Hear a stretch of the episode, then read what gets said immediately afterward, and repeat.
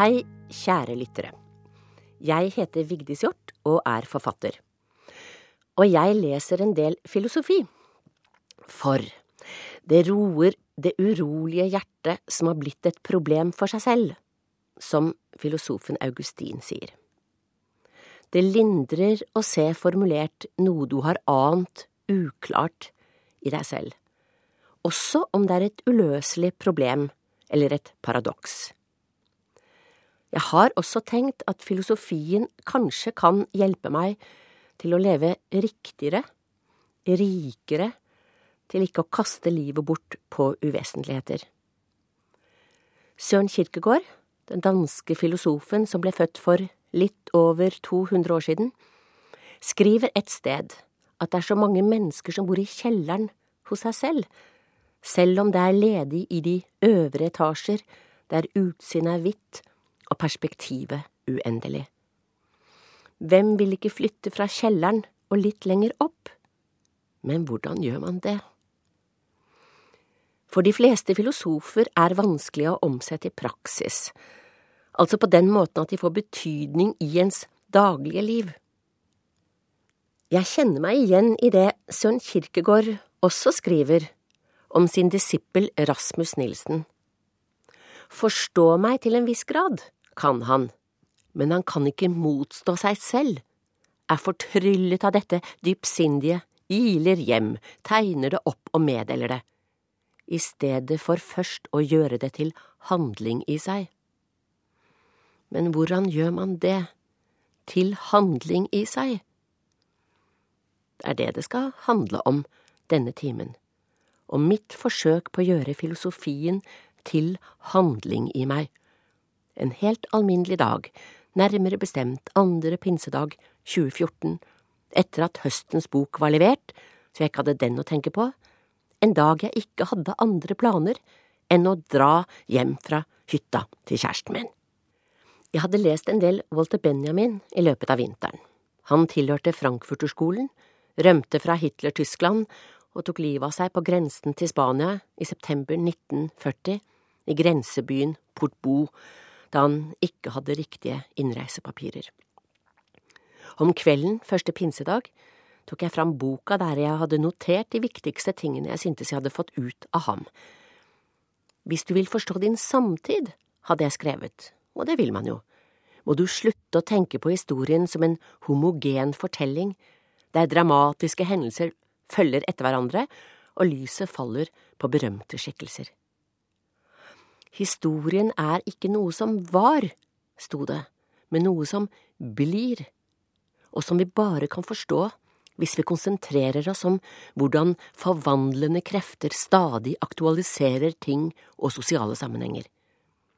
For alt er foreløpig, alt er midlertidig, alt må kontinuerlig settes inn i nye kontekster. Tingene og historien blir først virkelige i deres etterliv, sier han, ettersom de får ny mening i nye omgivelser ved ny bruk. Som gamle husfasader i nye byområder, eller gamle ting som barn plukker opp og gjør til leker. Sigaresken som blir et verdifullt hemmelig skrin, et nøkkelknippe som blir rangle, slik det hele tiden skjer i dagliglivet. Det skal man ha et blikk for, sier han, det bitte lille, det mikroskopiske, for holder man øye med det, kan man oppdage det enestående ved historien og tingene. Ja, jeg synes jeg skjønte det, og gledet meg til å prøve det ut i praksis dagen etter, men ville lese notatene ut.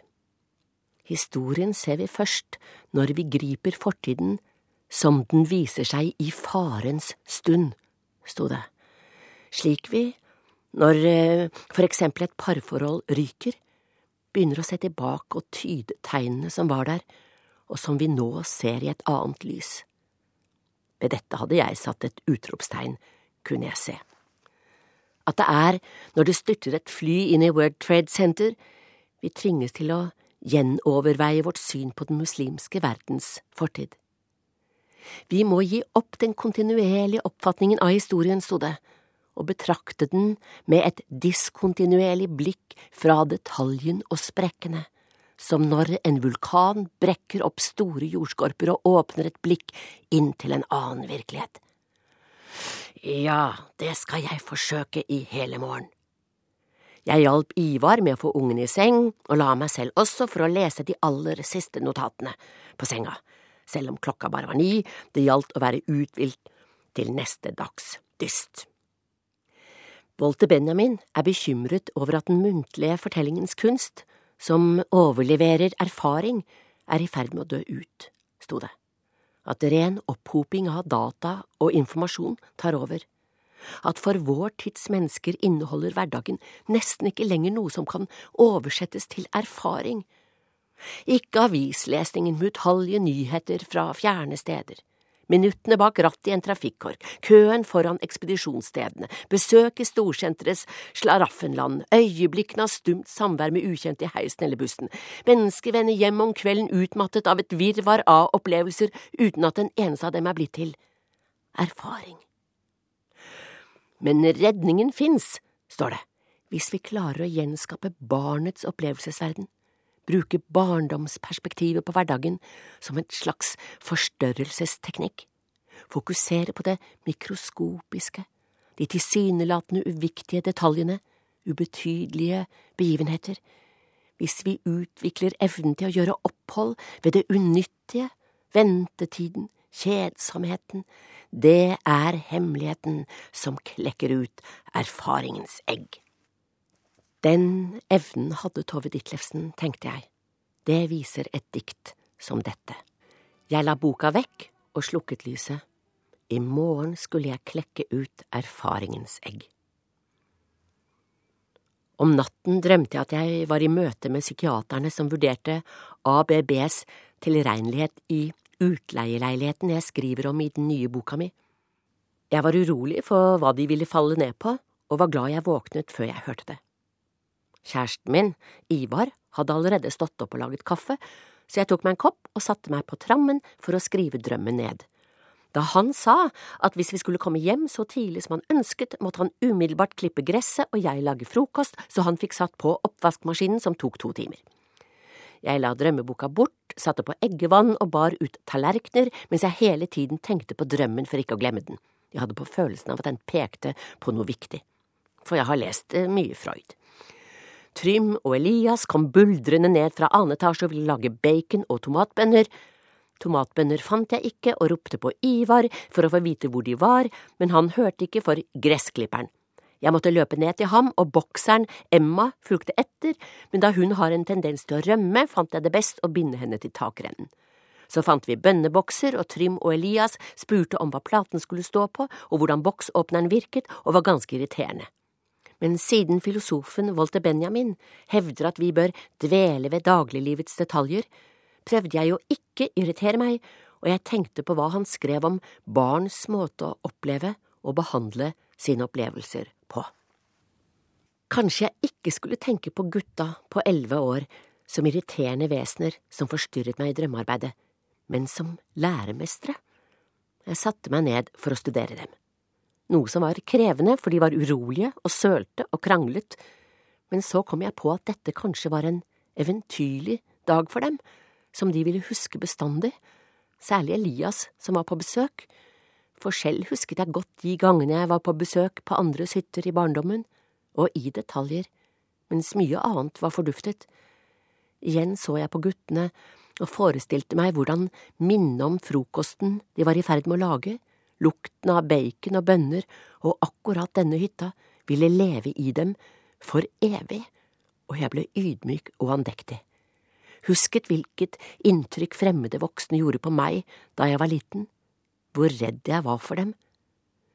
Var Elias redd for meg? Jeg ble mildere stemt, merket jeg, og gikk bort og strøk en hånd over nakken på hver av dem, og sa de var flinke, og de ble veldig overrasket og veldig krye.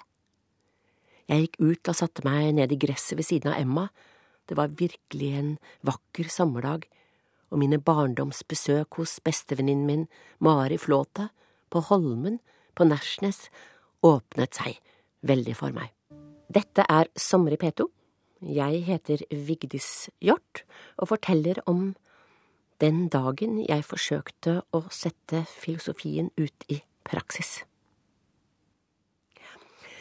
Jeg hadde ikke tenkt på Holmen på aldri så lenge, og nå husket jeg plutselig godt den gangen, den sommeren da vi var åtte år, og Mari pekte på den voksne fetteren sin og kona hans de satt i en robåt på vei mot brygga og skulle bo i den røde stua på toppen. De er forfattere, sa Mari, og jeg husket jeg frøs på ryggen. Jeg skjønte ikke hvorfor den gangen, men nå i situasjonens etterliv ga det mening. Det var Espen Håvardsholm og Liv Kølshoff som satt i båten. Tenk om noen hadde fortalt meg da at jeg en gang skulle bli deres kollega og for alt jeg visste, tenkte jeg, var lille Elias en kommende forfatter som i framtiden ville bli min kollega? Eller kanskje var det en kommende statsminister vi hadde hatt boende? Og en gang ville jeg bli intervjuet om denne pinsen på grunn av ham. Jo, det gjaldt å ha et oppmerksomt blikk på Trym og Elias, som nå, luktet jeg, hadde brent både bacon og bønner, men man skal ikke bebreide en kommende berømthet noen brente bønner. Jeg løp inn og reddet restene og så at Trym satt over PC-en min og kommanderte han vekk, framtidig statsminister eller ikke, for at han ikke skulle komme til å slette umistelige dokumenter. Og jeg tenkte på den nye boka mi mens jeg bar ut leverpostei, og kjente engstelse, for det er sårbart å gi ut bøker, og jeg så for meg hvilke punkter kritikerne ville misforstå og slå ned på med sine vasse penner. Jeg tenkte ut noen svært rammende kritikerformuleringer om min uskyldige roman, og ble sint og ville slå tilbake, men husket så på hva filosofen Søren Kierkegaard har skrevet, at det er tanken på morgendagen som ødelegger dagen i dag for mennesket, at den betydning mennesket tillegger den neste dag, er fienden som gjør det bekymret og engstelig, slik jeg nå har engstet meg for og hisset meg opp over noe som kanskje ikke ville hende, framfor å være som fuglen på himmelen og liljen på marken. Dette skriver han. Hva er glede eller det å være glad? Det er i sannhet å være seg selv nærværende. Det er dette, i dag å være i dag. Og i samme grad som det er sannere at du er i dag, i samme grad som du mer er deg selv nærværende i at være i dag, i samme grad som du mer er deg selv ganske nærværende i å være i dag, i samme grad er ulykkens dag i morgen ikke til for deg. Gleden er den nærværende tid, med hele ettertrykket på den nærværende tid, og derfor er liljen og fuglen gleden, fordi de ved taushet og ubetinget lydighet ganske ære seg selv nærværende i at være i dag. Så satte vi oss endelig til frokostbordet denne dagen, som jeg altså hadde viet til å gjøre filosofien til handling i meg. Å leve som filosofene Benjamin og Kirkegård på hver sin måte lærer. Jeg strakte meg etter egget, svært bestemt på å være nærværende og ubetinget lydig som liljen og fuglene, som skrek fælt nå, for de hadde kastet seg over søppelposene som gutta hadde fått beskjed om å kaste i dunken, men bare hadde satt fra seg ved bilen, og Iva ble forbanna og ba dem jage måkene, for nå lå det søppel på plenen og veien, og gutta satte Emma på saken, og hun skremte måkene, men fant en halv kotelett etter gårsdagens grilling, og jeg løp ned for å ta den fra henne, for hun tåler ikke svinebein, men Emma skjønte hva jeg hadde i gjerdet, og bykset inn i skauen med koteletten i kjeften, og jeg for etter, for hunder må ikke løpe løse. Men mens Emma forserte buskas og kratt, satt jeg meg fast og fikk sår og skrammer og ropte om hjelp, og gutta ville hjelpe, men Ivar påbød dem å kle seg langermet og langbukset, for i avisa sto det at flåtten var kommet, og da gutta endelig kom svært påkledd, var Emma antagelig tapt, tenkte jeg og forsto hva Benjamin mente om at historien åpner seg i farens stund. For Emmas og min lange, hverdagslige historie åpenbarte seg i et veldig syn, og jeg ble på gråten av bevegelse. Da ropte Elias at han hadde funnet henne, og jeg ble så glad og kalte ham en helt og sa han skulle få 200 kroner i finnerlønn, og han strålte opp og ville aldri glemme denne dagen, tenkte jeg, og at jeg derfor alltid ville være med i bevisstheten hans. Ja, jeg burde gi gaver oftere, tenkte jeg, og takke oftere, tenkte jeg, omfavnet Elias og Trym og ringte mine egne barn og sa at jeg var glad i dem, og at jeg hadde kjøpt fine gaver til dem, selv om det ikke var sant, og løp til Ivar for å si at jeg var glad i ham, da han ropte irritert at vi måtte få frokosten overstått på grunn av oppvaskmaskinen. Så satt vi der endelig ved bordet, og Ivar fortalte om den gangen huset brant ned. Ble du lei deg? spurte Trym. Ja, på en måte, sa Ivar, men så at det, sett i ettertid, var det beste som kunne skje.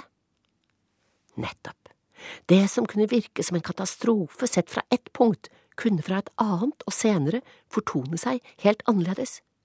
Huset brant ned, men det var gammelt og uten do og dusj og eid av flere som var uenige. Men nå var det nytt og fint og eid av Ivar alene. Kirkegård skriver jo også at livet først lar seg fortolke når det er gjennomlevet, at det bildet av et liv man danner seg på etterskudd, i alle fall blir annerledes enn det bildet man har av prosessen underveis. Ja, det er sant, alt er midlertidig og foreløpig. Tenk hvor forskjellig vi ville sett på Hamsun om han hadde dødd før krigen. Og skulle det kanskje hende ting i min framtid som ville forandre hele mitt syn på meg selv, og andres syn på meg? Skulle jeg mon tro snart settes på svære prøver? Men ikke tenk på det, tenkte jeg, nyt øyeblikket, formanet jeg meg selv, og at det er lite dramatikk i livet ditt for øyeblikket. På den annen side, hadde jeg jo nettopp erfart hvordan historien kom til meg i farens stund. Hvilke veldige historiske syner ville ikke kunne komme om det ble virkelig fare på ferde? Men straks jeg hadde tenkt dette, angret jeg og fryktet jeg skulle straffes for tanken med mange ulykker, og jeg banket tre ganger i bordet, og Ivar spurte hva jeg banket for. Hvor er du? spurte han. Her, sa jeg. Ja, rent fysisk, så, sa han.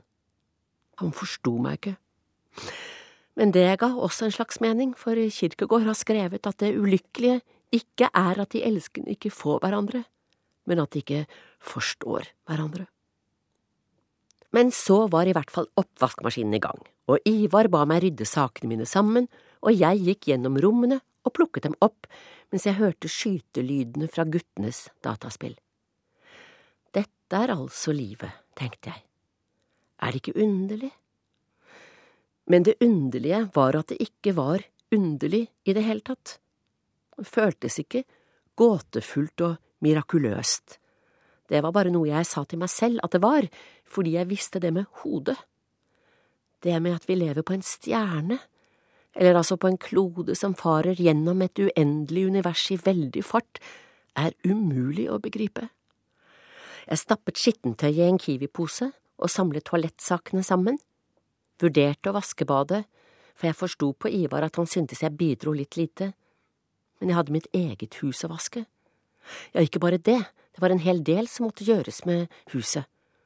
Jeg ble svimmel ved tanken på hva som måtte utbedres, fant et ark og ville lage en liste og ble utålmodig på å komme hjem og sette i gang, og utålmodighet er en fortærende følelse umulig å filosofere til. Men så husket jeg hva Benjamin skrev om å fylle ventetiden med mening, og få øye på det mikroskopiske, det barnlige perspektivet, og jeg gikk ut og bak huset og la meg i gresset med nesa mot Emmas snute og kjente hvor hund hun luktet, og så på de små, grønne gresstråene som hadde presset seg opp av jorda og en bitte liten edderkopp som spant en tynn, skinnende tråd fra ett til et annet, og Emma la en labb på kinnet mitt, og jeg gled inn i slumringstilstanden mellom søvn og våken tilstand, der alt kan skje. Det er når jeg er i den at jeg er nærmest det uforståelige. Dette er Sommer i P2 med Vigdis Hjorth. Forfatteren av denne sangen, Gunnar Ekeløff, har et annet lite dikt skrevet liksom fra den døde til den levende. Du frågar hva jeg fins. Jeg fins bakom bergen. Det er langt, men jeg er næra. Jeg bor i en annan verd, men du bor jo i samma. Kanskje poetene sier det best, men Kirkegård sier det også fint, at å eksistere i paradokset vil si å eksistere i forståelsen av at det er noe vi ikke har forstått. Jeg lå i gresset bak hytta i full forståelse av alt jeg ikke forsto, og prøvde å oppleve verden åpen som et barn. Og jeg synes jeg kom nær det Freud kaller drømmens navle, det stedet i en drøm der det åpner seg en kanal inn til det gåtefulle og ukjente. For Freud mente, i likhet med Kirkegård og Benjamin, at vi kan skaffe oss viktig innsikt om livet utenom laboratoriene, vitenskapen, statistikkene. Det var en slik navle jeg syntes jeg kom i nærheten av da jeg leste Kirkegård første gang, da jeg var 19, på idéhistorie. Et fag som reklamerte sånn for seg selv i universitetets brosjyre. Lurer du på hvem du er, lurer du på hvorfor du er her?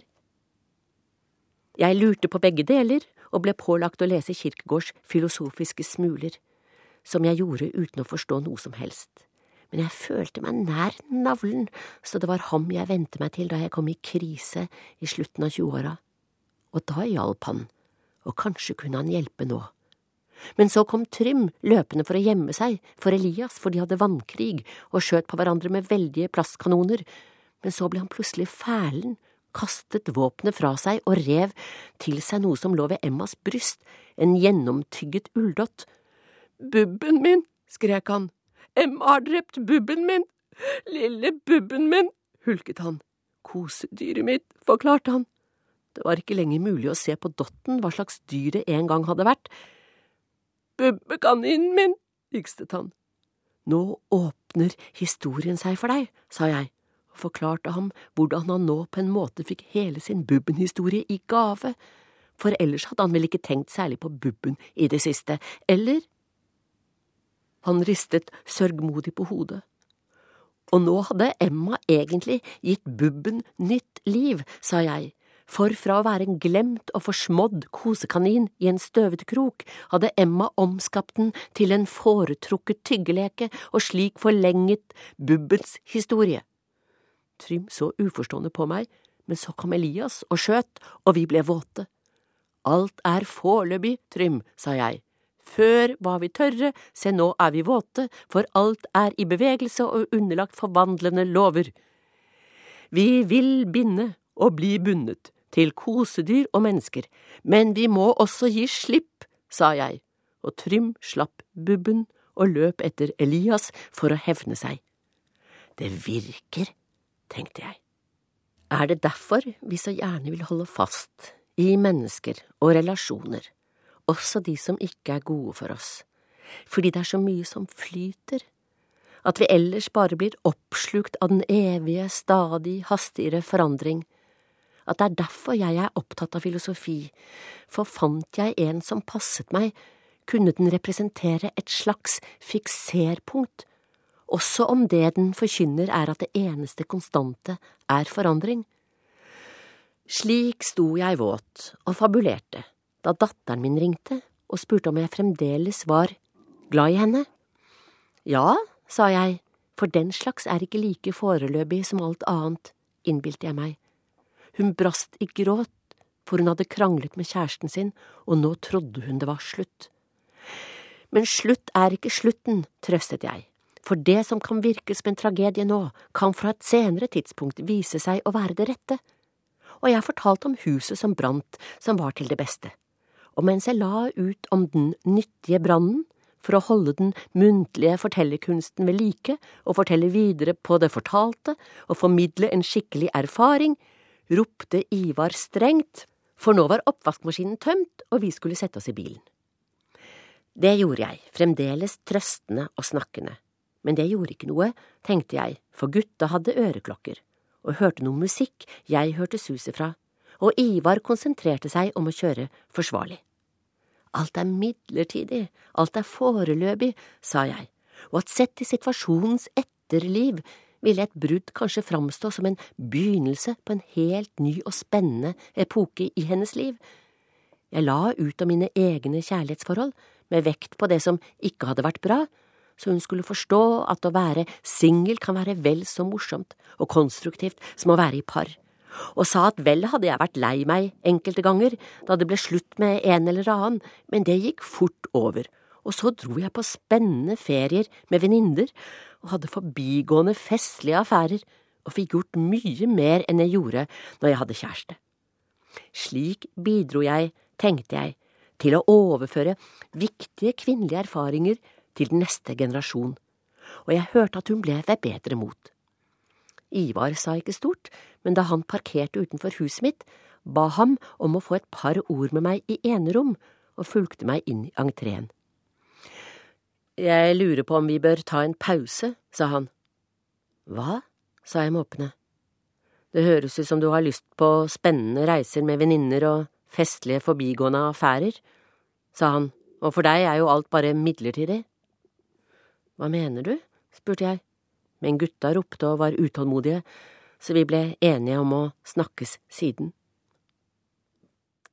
Jeg lukket døra bak ham og gikk opp på terrassen og satte meg, og syntes det ble høst i det samme. Det var som om bladene falt, og jeg så vår felles historie for meg slik den bare kan vise seg i farens stund.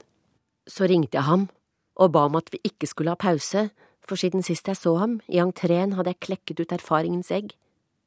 Det var ok, sa han, og at han hadde begynt å venne seg til meg.